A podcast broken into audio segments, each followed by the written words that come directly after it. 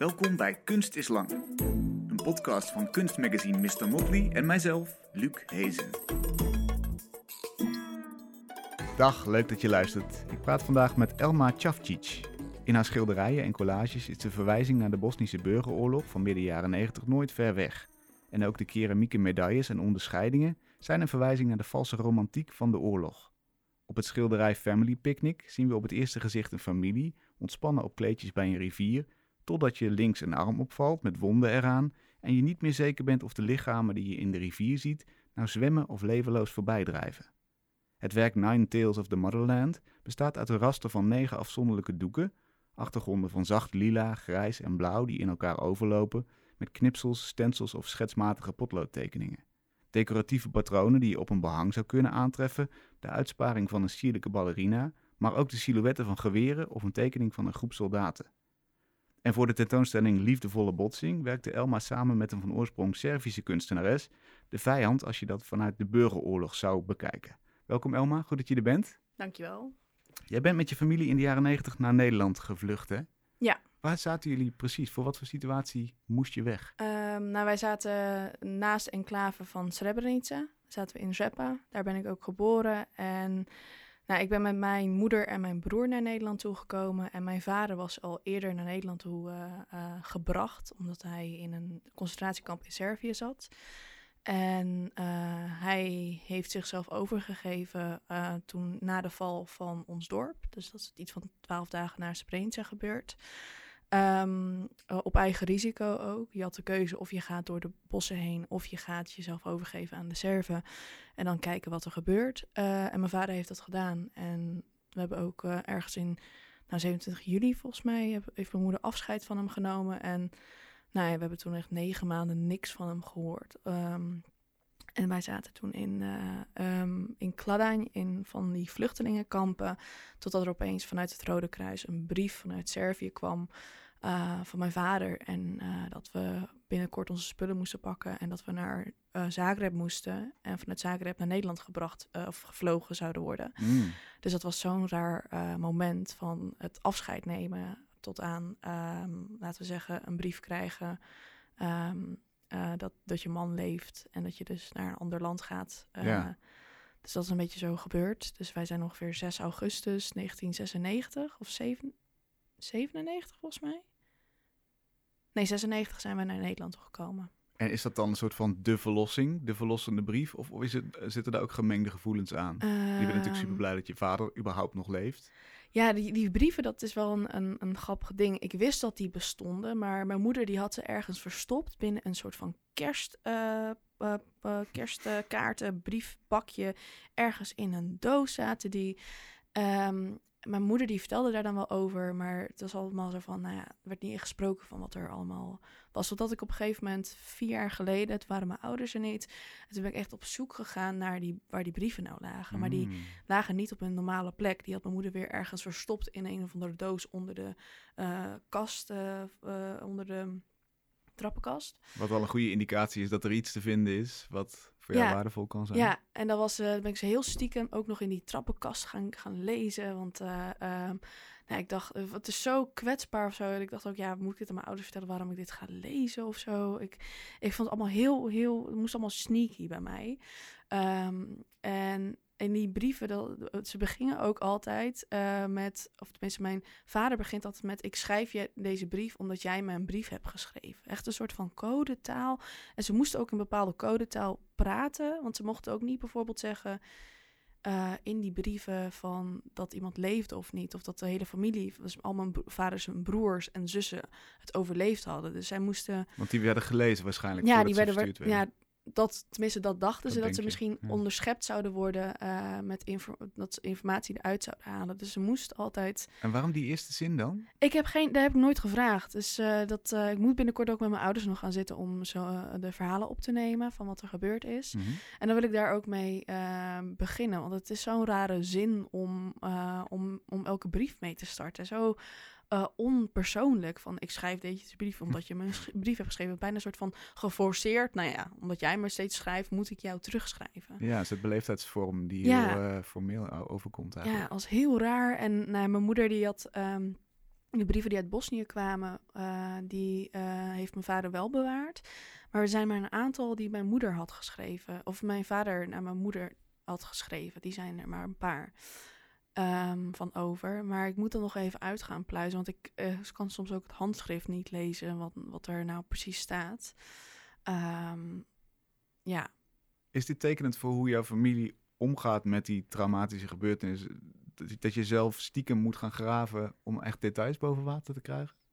Ja, ja dat is wel uh, een, een ding uh, in de opvoeding geweest. Um, hij was ook een keer een tijdje met de Belgische tv of uh, radiozender, die kwam langs en die wilde heel graag mijn ouders ook interviewen nadat ik met hun naar Srebrenica was gegaan.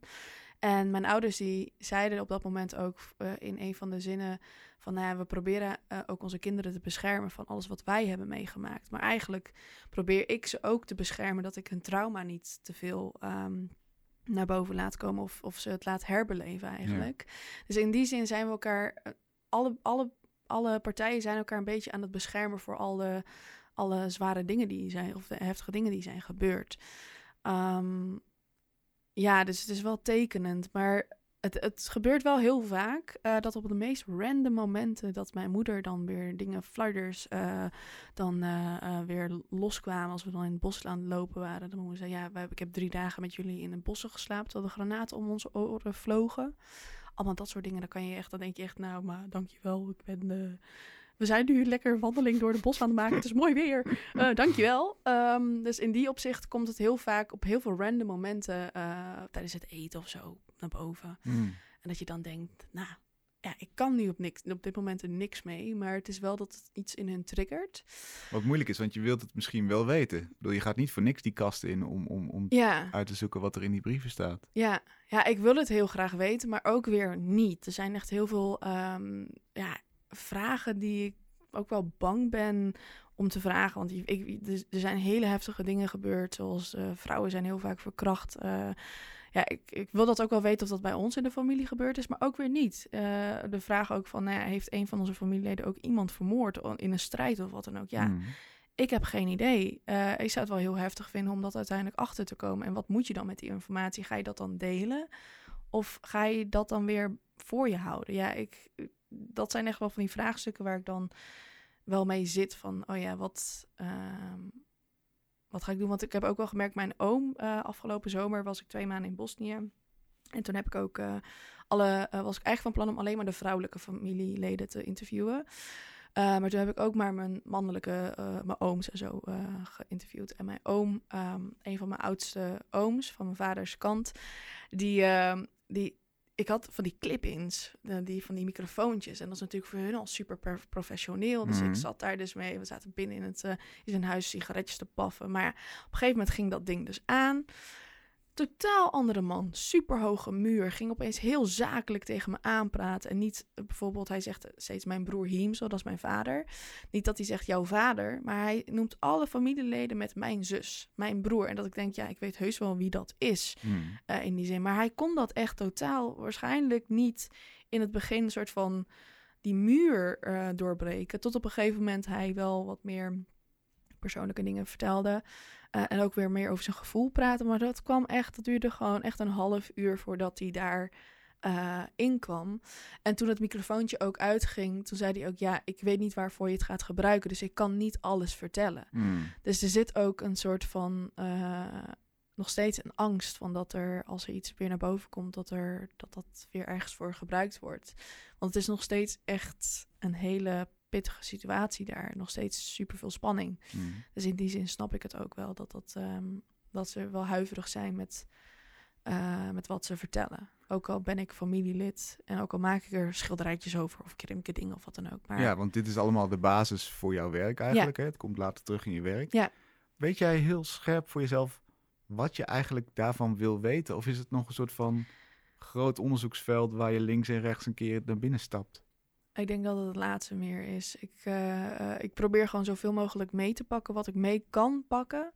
Uh, want mijn vader die vertelt ook, ja, ik zou heel graag willen dat ik alles had opgeschreven van wat er in het concentratiekamp gebeurd is. Want er is ook gewoon, heel veel dingen zijn er ook kwijt in mijn herinnering of Mm. zijn vervaagd. En dat weet ik niet zo, meer, niet zo goed meer.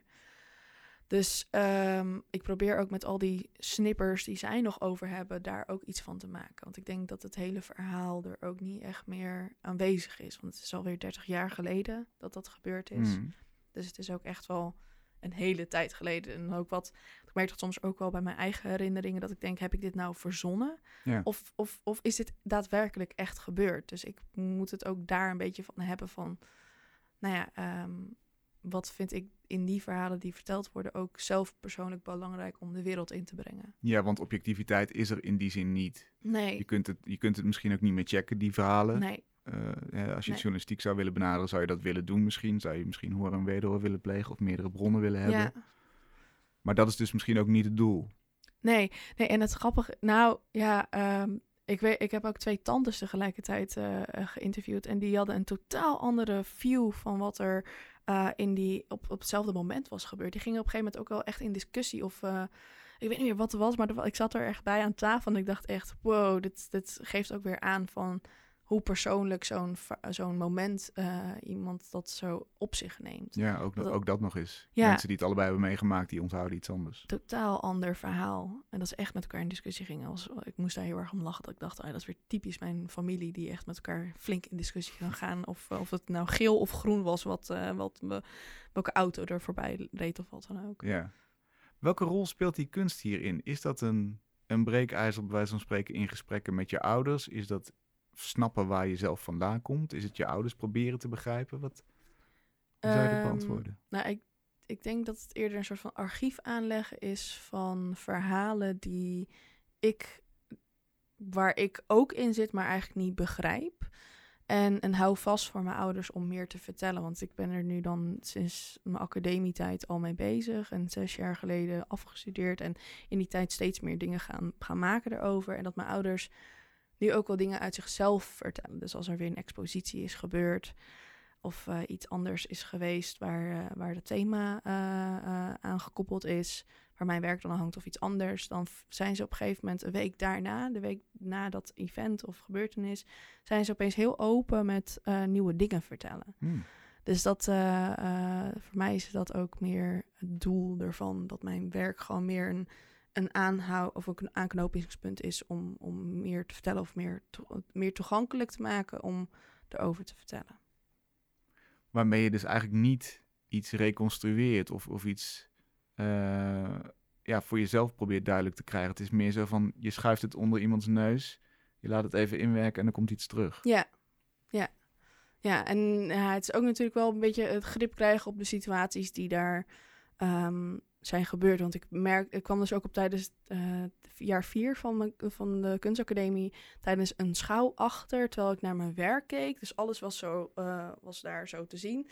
En ik keek ernaar, ik was aan het vertellen en ik dacht, hè, dit is heel maf, maar ik kom er nu pas achter dat alles, al die snippers die mijn moeder aan het vertellen was, dat dat eigenlijk één verhaal was. Dat het één dag was waar alles op gebeurd was. Op het moment dat het dorp viel. Hmm. Maar dat zij dus constant in, op verschillende momenten, hele kleine snippers vertelde. Dus het moment dat ze naar de bergtop moesten en dat daar alle mannen moesten achterblijven en dat wij weer naar beneden moesten. Eh, dat zijn allemaal, dat zijn twee dingen, twee verschillende eh, verhalen die zij steeds herhaalden. Eh, en een ander verhaal was bijvoorbeeld de konvooi waar, waar wij in vervoerd werden richting een andere safe area bijvoorbeeld.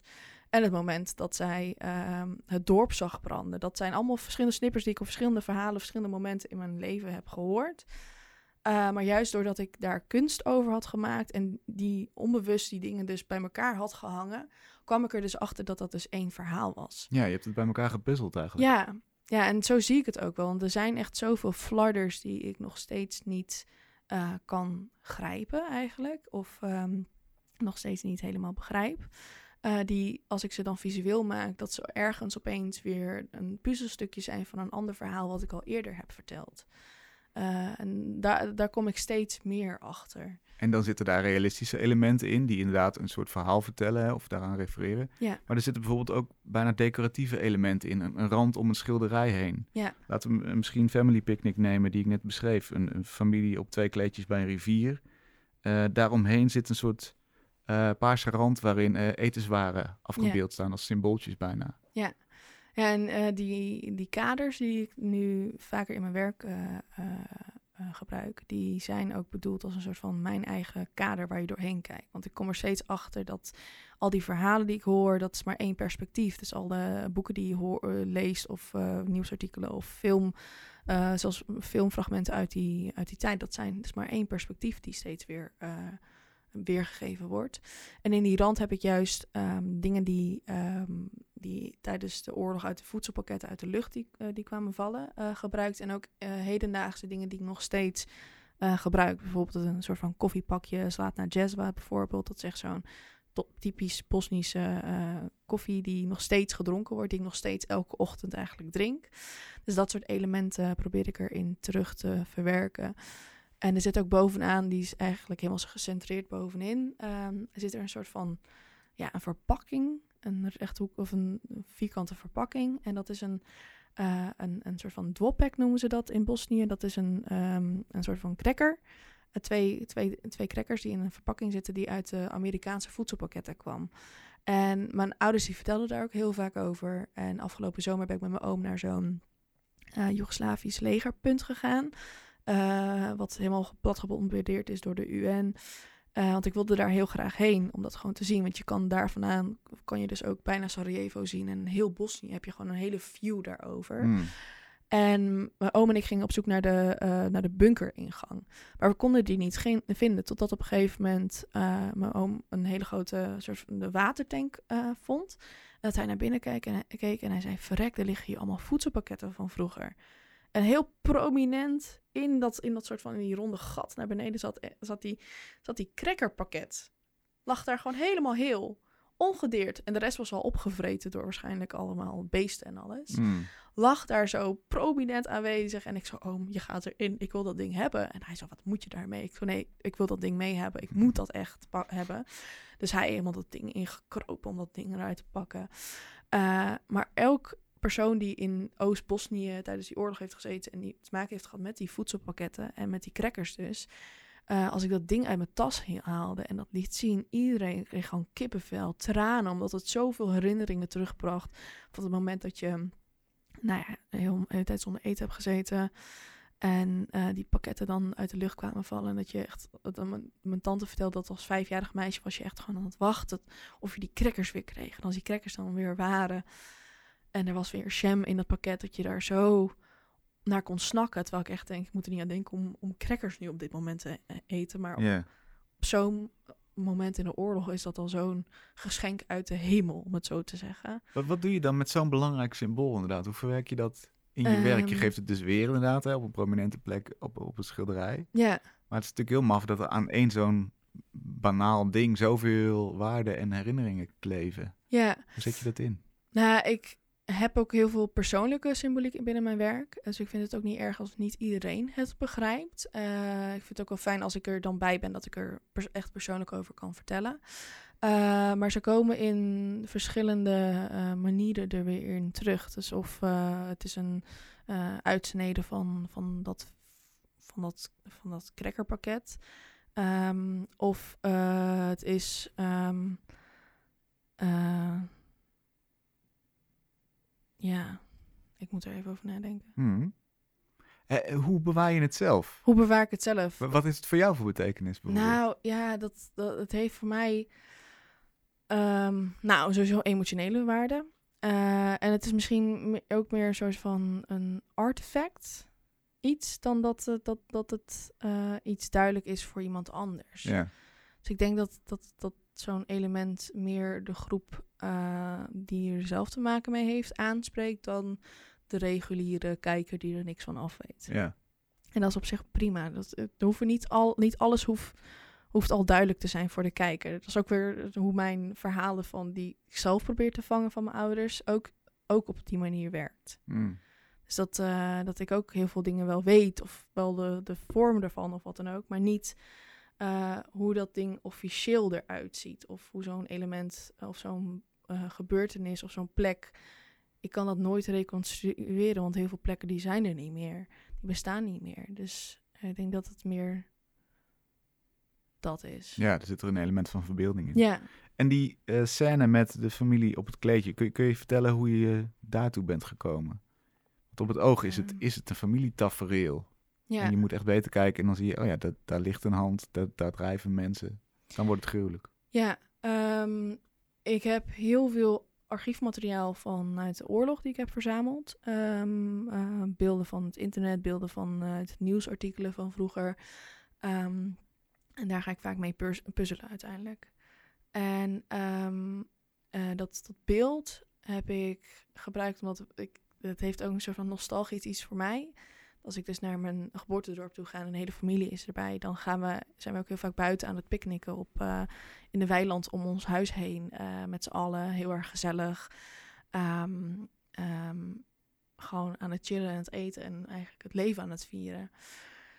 En op die beelden van eh, wanneer mensen werden geëvacueerd, is ook zo'n moment aanwezig. Dus het moment dat zij moeten wachten op bussen of wat dan ook, of dat ze moeten geïdentificeerd worden of wat dan ook. Dus zitten zitten ze dus ook met z'n allen, met echt een hele grote menigte, op een weiland te wachten. Hmm. En dat is eigenlijk iets wat mij eh, zo erg deed denken, maar zo een, een andere vorm van, van bij elkaar zijn is.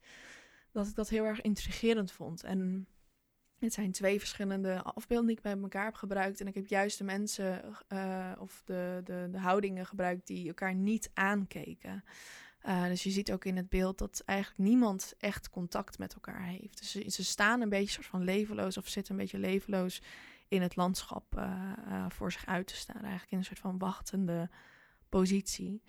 En ik vond dat ook wel interessant, want dat is ook wel iets ehm, waar, wat ik zelf ook wel merk naarmate de jaren verstreken. ehm, dat ook die connectie met die oorlog of met die verhalen eigenlijk ehm, weg is binnen de familie. Dus heel veel mensen willen gewoon doorgaan met het leven. Ehm, dus dat ik dat een heel interessant eh, gegeven vond eigenlijk. Wat ik heel graag wilde laten zien. En ook die vervreemding natuurlijk. Van je gaat eigenlijk met je familie lekker picknicken. Maar er is geen eten aanwezig überhaupt in het, eh, in het tafereel. En Ja. niemand praat met elkaar. Iedereen is een soort van afwezig me- eh, daar. En eh, nou ja, met, met die twee lijken die erin verdrijven eigenlijk. Dat vind ik zo ehm, eh, een absurd iets. Dat heel veel mensen dus denken dat het zwemmende mensen zijn. En Ja. dat het gewoon zoiets natuurlijks is. Een familietafereel, picknick. Dus dan is het logisch dat die mensen aan het zwemmen zijn. En niet aan het drijven. Of gewoon geen lijken zijn die aan het drijven zijn. En de hand die je eh, links onderin ziet, die refereert weer naar, eh, want het is een vrouwelijke hand. Ehm, het heeft ook van die hele grote roze nagels Mhm.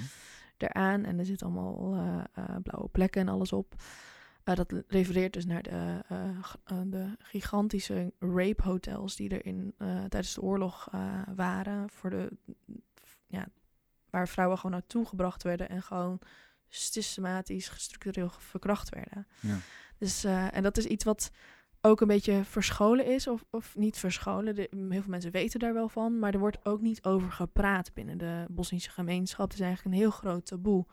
Terwijl ehm, het is zo'n groot trauma wat, wat daar zich heeft afgespeeld. Dat er zijn zoveel vrouwen die tijdens de oorlog en meisjes van 13, 14 die zijn verkracht. Dat eh, daar wordt gewoon niet over gepraat. Dat Mm. is zoiets van. Nou zou, ja. dat, zou dat onderwerp kunnen zijn van een werk? Of is dat, komt daar die zelfbescherming of de bescherming van je familie bijvoorbeeld weer om de hoek zetten? Want er zit natuurlijk een interessante spagaat. Z- zij willen verder met hun Ja. leven, praten er liever niet te veel over om het, om het weg te duwen, om het achter zich te kunnen laten. En jij, voor jou is het ook is het materiaal. Jij leeft het natuurlijk ook, maar het is ook Ja. werk. Hoe, hoe, hoe ga je daarmee om? Met die spanning? Nou, ja, ik, ik, bij dat soort elementen eh, vind ik natuurlijk ook spannend om dat direct te vragen aan Ja. mijn familie. Ehm, nou, dan ga ik dus kijken, want er zijn heel veel documentaires of heel veel artikelen eh, aanwezig op het internet die daarover vertellen. Waar vrouwen dus wel eh, persoonlijk durven te vertellen wat er gebeurd is. Ehm, dus daar haal ik dan die informatie dan vandaan. Dus soms dan eh, is, het, is de informatiebron mijn familie. En soms is ook gewoon de World Wide Web bijvoorbeeld mijn informatiebron. Als ik niet eh, tot iets kan komen binnen mijn familie wat ik heel graag zou willen weten. Want ik weet ook niet of überhaupt dat is gebeurd. Hmm. Ehm, maar het is wel een heel groot belangrijk element binnen die oorlog geweest. Dus dan vind ik het eh, alsnog belangrijk om het daar dan over te hebben. Maar ja, ik eh, ga mijn ik ga niet, uh, laten, soms doe ik dat wel hoor, maar ik ga niet naar mijn ouders toe of naar mijn moeder toe. Hé, hey, maar uh, weet je toevallig of iemand uh, verkracht is binnen onze familie? Nee. Nee, dat vind ik zo'n maffe, of met dat iets te persoonlijk. Maar soms doe ik dat dan wel. Dan vraag ik er heel erg. dan, ik heb ook laatst ook heel vaak mijn familie ook, of mijn ouders heel vaak opgebeld tijdens het maken van een schilderij. Van oké, Google even hoe zo'n spinnenwiel eruit zag die jullie toen vroeger hadden. Of Google even dit. Of help me even met het vinden van, van een afbeelding die enigszins erop lijkt, zodat ik die kan gebruiken. Ja. Dus dat doe ik dan wel, maar dat is met wat kleinere dingen, maar niet met zulke hele grote verhalen. Wat dus best wel de grens ook van kunst aangeeft. Er, er is een moment dat je zegt, oké, okay, uh, het maken van werk is het me niet waard om iemand uh, zijn trauma weer op te rakelen. Nee. Daar zit een, daar zit een grens aan. Nee, nee, er zit zeker een, uh, bij mij ook wel een grens. Want ik weet dat mijn vader heeft nog steeds nachtmerries. En mijn moeder ook nog steeds. En mm. iedereen die dat heeft meegemaakt. Um, dus ik vind dat ook wel lastig om daar, om daar dieper in te gaan graven. Terwijl, ja, ik ben geen psycholoog of wat dan ook. Ik, ik moet ze dan naar de psycholoog sturen als het weer te heftig, uh, als de dingen weer te heftig gaan opleven ja, dan moeten ze zo'n heel traject weer aan. En dan denk ik soms ook wel van, ja, is dat dan wel de moeite waard om dan daar werk over te maken of daar kunst over te maken? Ja. Maar alsnog voel ik de noodzaak. Dus echt, ik probeer zo vaak een soort van zijspoor te nemen. Maar het lukt gewoon niet. Dus ja. er komt altijd die oorlog. Of als ik dan vaasjes ga maken met bloemen. Want dat zegt mijn moeder altijd. Was maar bloemen gaan schilderen of wat dan ook. en dan komt er altijd weer een geweer of iets op de achtergrond met soldaten. Het, eh, dus het zit zo erg, ik ben er zo erg mee bezig. Ik vind het ook zo'n interessant element eigenlijk. Mm. Dat ik, nou, ik kan gewoon niks anders maken, denk ik eigenlijk. Is, is dat een last of is dat een, uh, een inspiratiebron op een rare manier? Ik denk dat het meer een inspiratiebron is.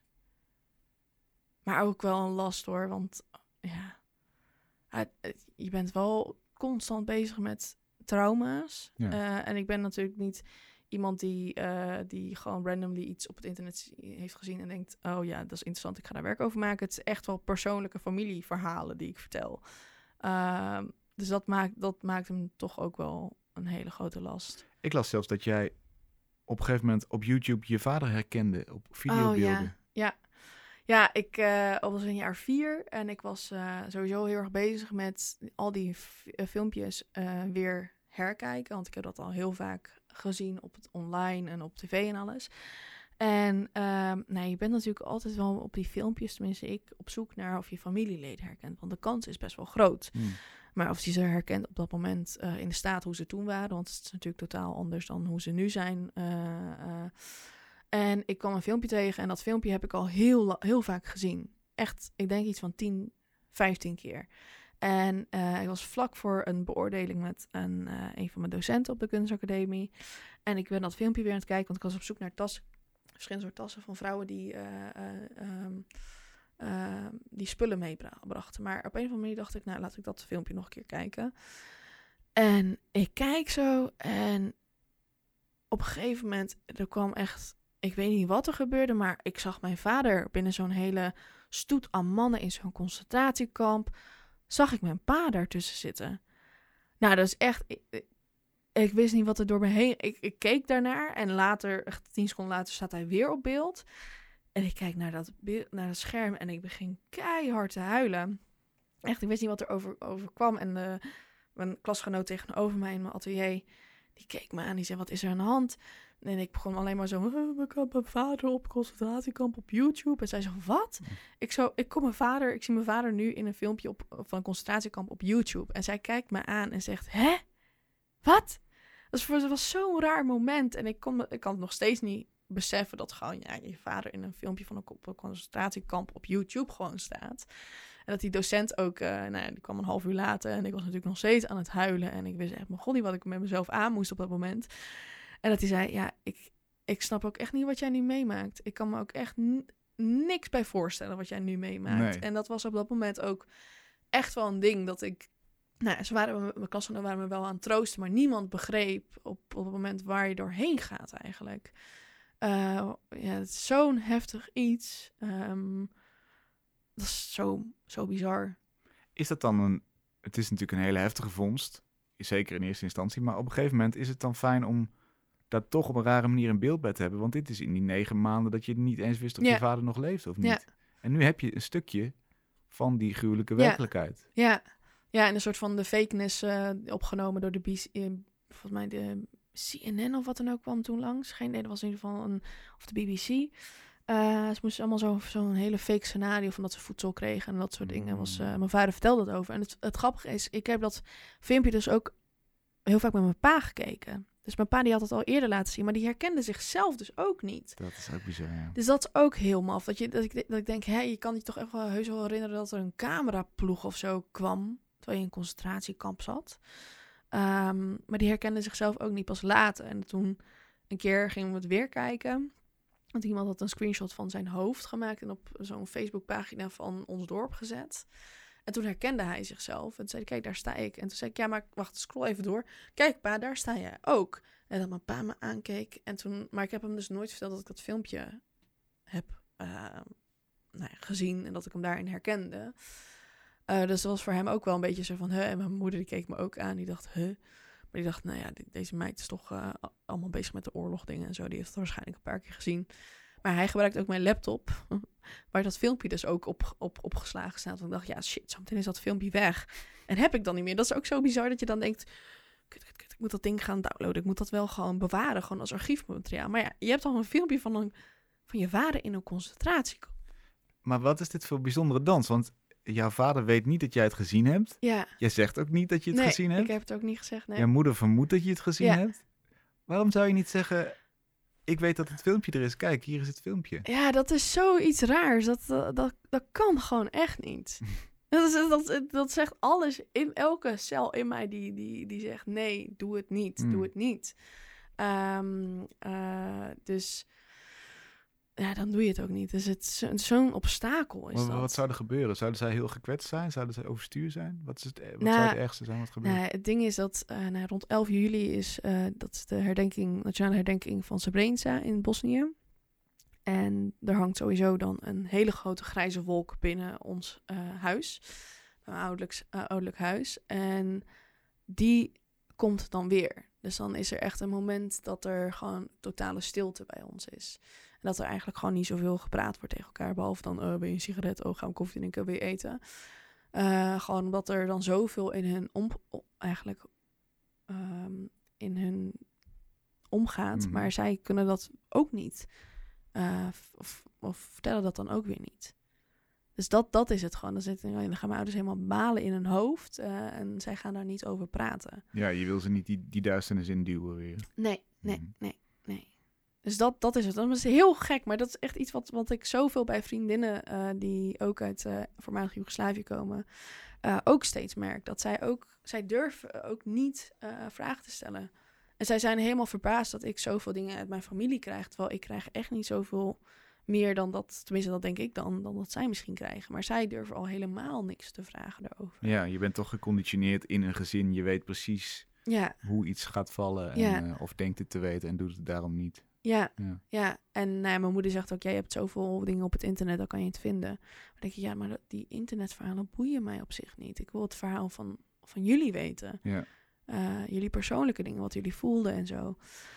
Dus, eh, maar ja, dat komt nog ergens. Komende weken ga ik dat wel doen met ze. Je gaat echt Ja. met ze zitten en details. Ja, ik wil details weten. Ja, ook omdat ik steeds merk van... Ze worden natuurlijk wel wat ouder. Ze, nou, ze zijn niet heel oud, maar ze gaan richting de 60. Ehm, en mijn moeder die zei laatst ook... eh, toen, want ik ga binnenkort naar Amerika, naar de familie. En toen zei ze, oh ja, oh ja wanneer moeten we onze nieuwe paspoort... eh, eh, moeten we een nieuw paspoort krijgen? En toen zei mijn moeder... Oh ja, die ga ik sowieso niet nemen. Want toen ik mijn paspoort ging ophalen... toen zei ik, dit wordt mijn laatste. En toen dacht ik echt... Huh? Waar heb je het over? Dus zij, zij hebben ook zo'n idee van... Oh ja, we gaan sowieso niet lang leven. Hmm. Ehm, en ook tijdens de academie vertelde ook een klasgenoot dat zijn oma zei van, nou, ik ben niet, eh, ik vind niet erg dat ik sterf, maar met mij sterven er duizend herinneringen van andere mensen die ik meeneem mijn graf in.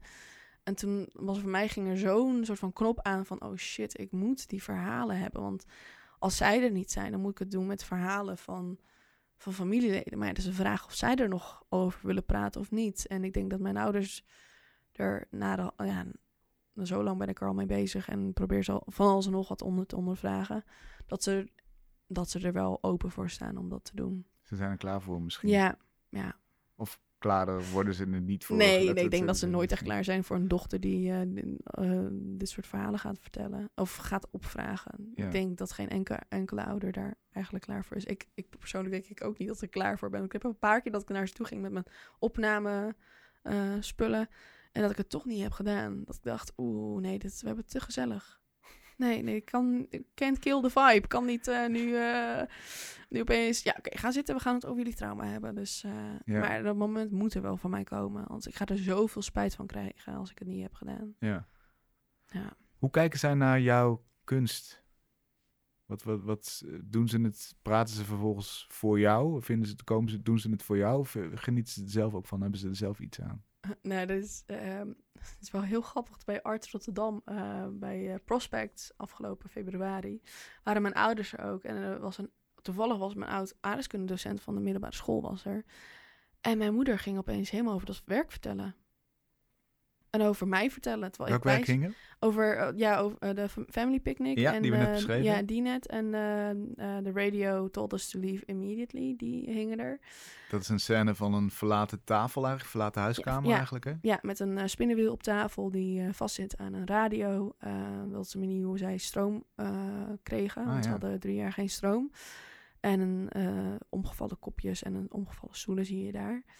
En ja, ik vond het zo grappig. Want mijn moeder heeft heel vaak gezegd dat ze mijn kunst niet begrijpt. Of mijn ouders begrijpen mijn kunst niet. Eh, maar de laatste twee dus wel, omdat het zo realistisch is. En ik heb ze heel erg meegenomen in dat, ehm, in dat proces.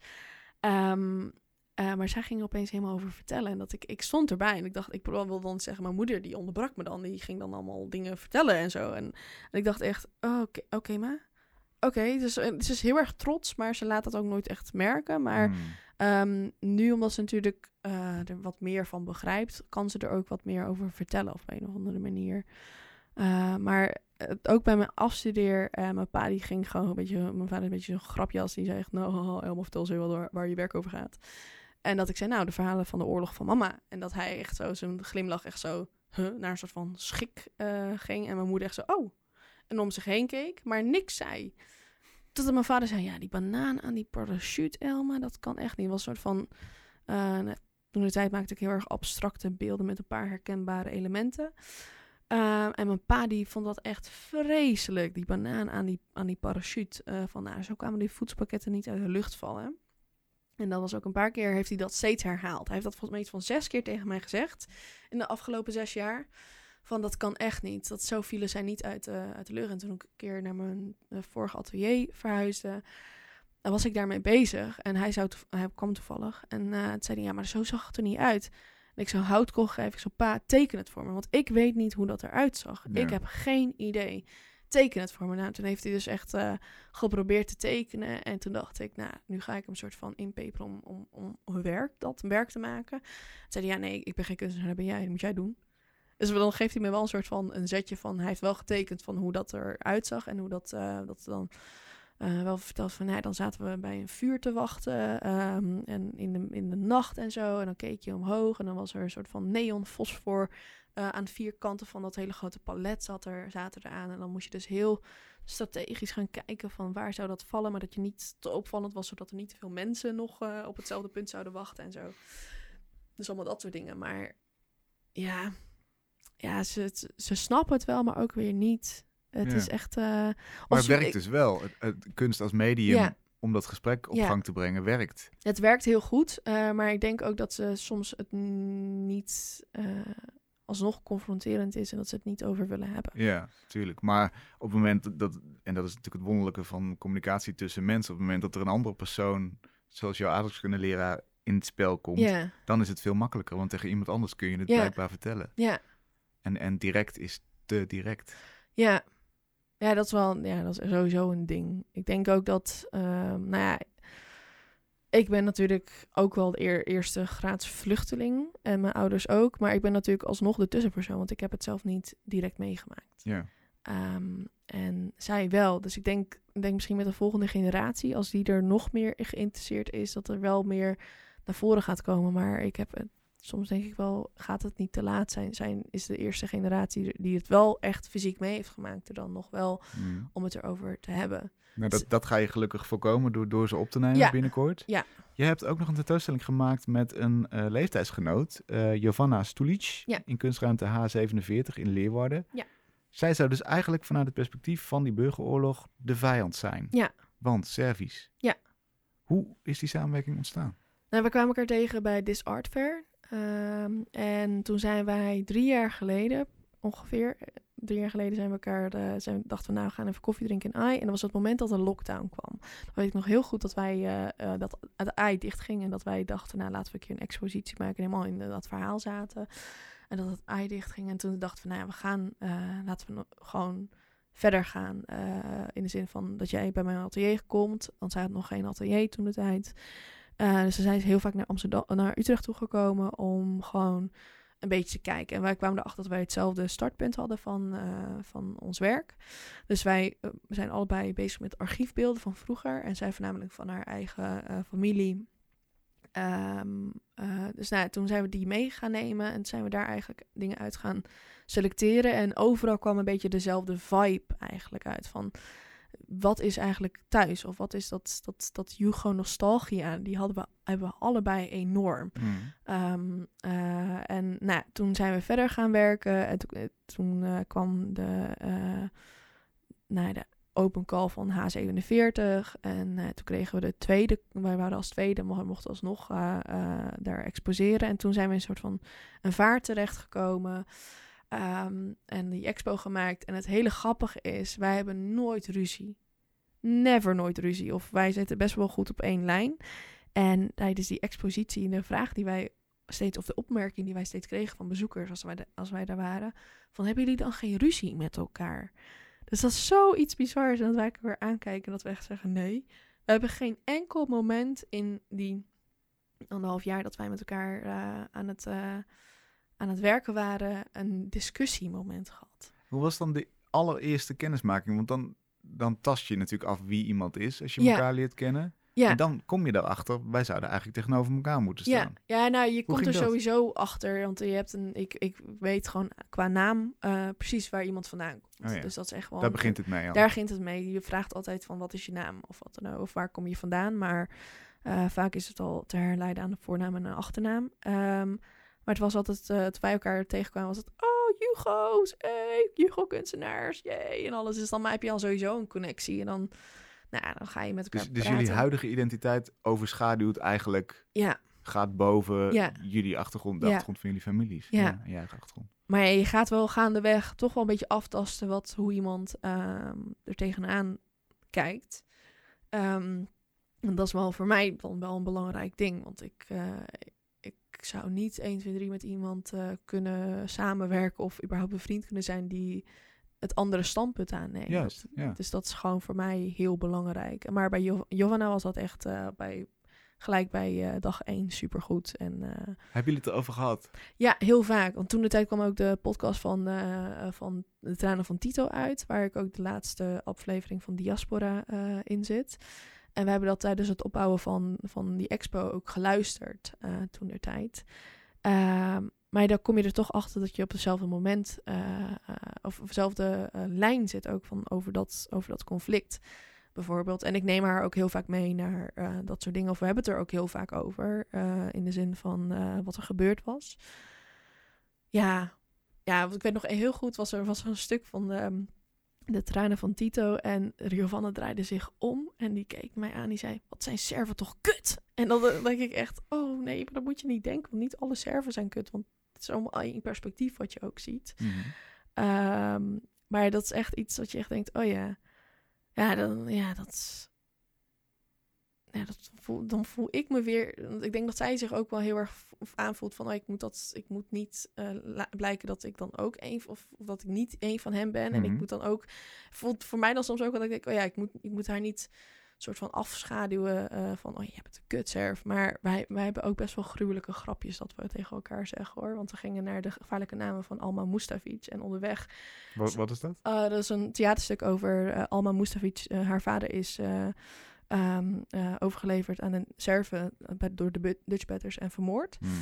En, eh, en ik maakte de grap in de, in, de, in de auto toen wij daar naartoe gingen naar Nijmegen. Ik, van, ik moest van haar een serf meenemen die geofferd moest worden voor alle, alle daden die jullie hebben gedaan. En wij gaan dan helemaal stuk daarover. Dus wij kunnen daar keihard om lachen met elkaar. Ja. Maar dat, dat geeft dus ook aan van welke, welk niveau eigenlijk wij met elkaar daarover over, over praten. Want ik zeg ook altijd, ja, ja, ja, kutserf.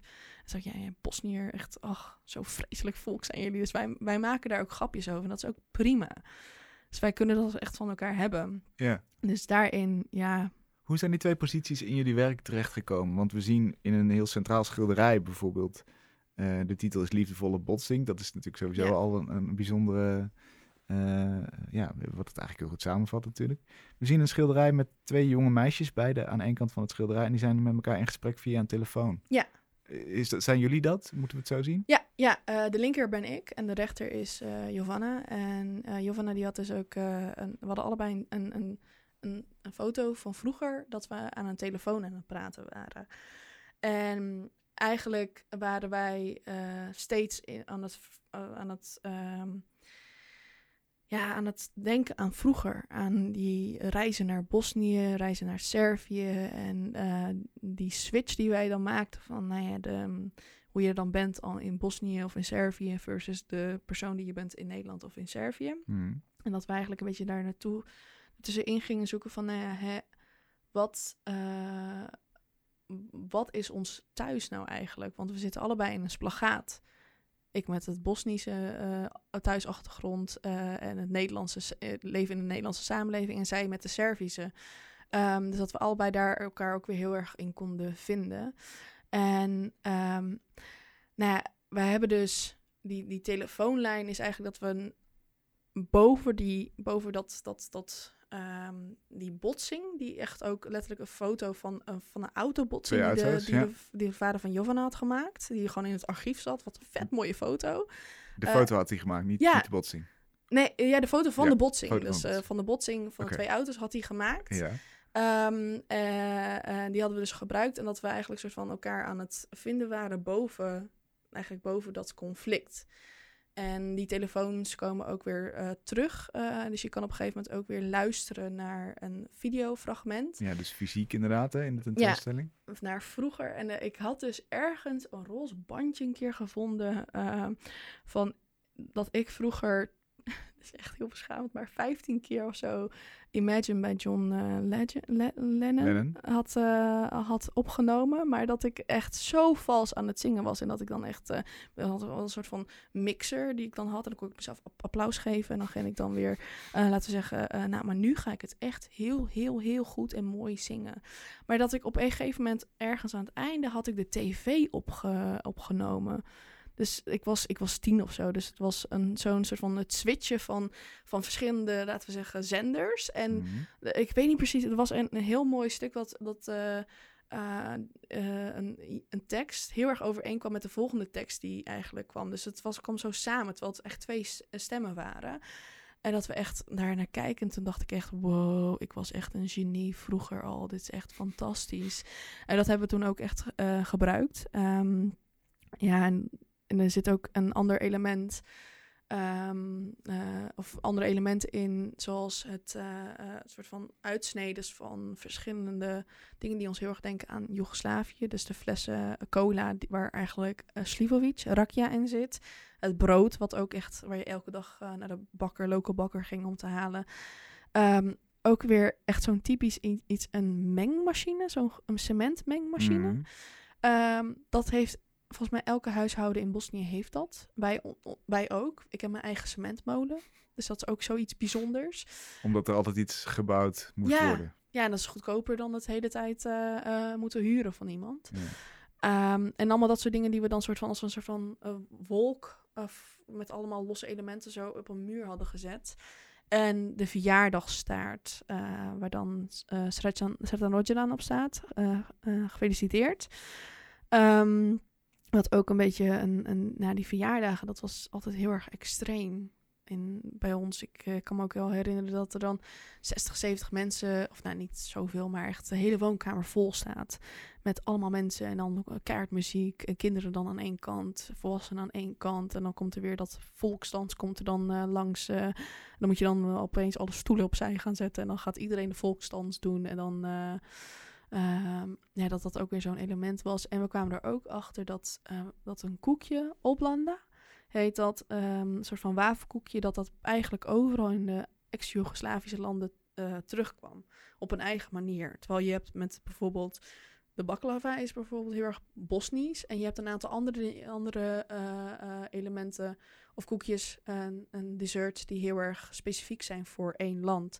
Behalve dat, dat koekje dus, die komt overal terug. Dus wij hadden echt zoiets van, ook tijdens het, het opbouwen, dat wij eh, dachten, oh, we gaan een, een nieuw Joegoslavië stichten op Blandia. En eh, alles moet roze en glitters. Dus wij gingen ook helemaal soort fantaseren van een tweede Joegoslavië. En wie van ons dan Tito zou zijn en zo. Dus zo, ehm, Dit is Ja. eigenlijk een hele ho- hoopvolle samenwerking. ja, Het overstijgen van die verschillen. ja, Eh, Hoopvoller, denk ik, dan wat er nu gebeurt ja. in, in, op de Balkan. Hè? Ja. Ja, dat, eh, het is sowieso weer, eh, nou ik denk dat het over een aantal jaar weer gaat escaleren. Maar dat Hmm. is, ehm, nou ja, wij leven natuurlijk in Nederland en wij hebben toegang tot het internet. Zij daar ook. eh, maar zij kijken natuurlijk meer naar hun eigen, of elke bevolkingsgroep naar hun eigen radiozenders en of tv-zenders of nieuwskranten. En die hebben allemaal een eigen, ehm, een eigen waarheid die Ja. ze vertellen. En zelfs de scholen. Er zijn drie verschillende scholen in, in, richt, in Bosnië bijvoorbeeld. Ehm, dus waar alleen de Serven natuurlijk ehm, bijvoorbeeld naartoe gaan. Of alleen de Bosniërs, naar, of de Bosniakken naartoe gaan. Of de Kroaten naartoe gaan. Dus dat in die opzicht eh, kan je ook niet eh, anders krijgen dan dat er mensen andere ideeën, krij- eh, andere ideeën hebben van wat er gebeurd is in de geschiedenis. Dat is geen gedeelde waarheid. Er is geen gedeelde waarheid en die gaat er waarschijnlijk ook de komende jaren nog niet gebeuren. Of niet komen. Of er moet heel wat veranderen binnen de samenleving. Maar dat gaat. Nee, dat, dat gebeurt niet En- gebeuren. nee, en hier heb je dat toch minder. En hier, nou ja, je kan vingers gaan wijzen, maar daar heb je niet zoveel aan. Want nou ja, zij heeft mij niks aangedaan. En ook heel veel andere mensen hebben mij niks aangedaan. Ze kan wel boos zijn, maar dat, wat, wat gaat mij dat brengen? Nee. Ik kan beter gewoon kijken van oké, hoe kunnen we dan verder gewoon bevriend raken? Of gewoon een voorbeeld kunnen zijn voor andere mensen. En dat toch ook allemaal dankzij kunst, eh, als Ja. gespreksmiddel, als manier om iets uit te drukken en vorm te geven Ja. van hoe het ook kan. Ja, kunst is zo belangrijk in dit aspect.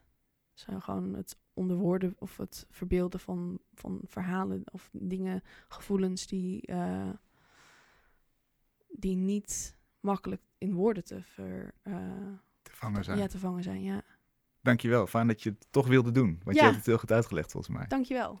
Tot zover Kunst is Lang voor deze week. Dit programma wordt mogelijk gemaakt door het Prins Bernhard Cultuurfonds, het BNG Cultuurfonds en het KF Heijn Fonds. Waarvoor heel veel dank natuurlijk. We zijn er volgende week weer. Tot dan.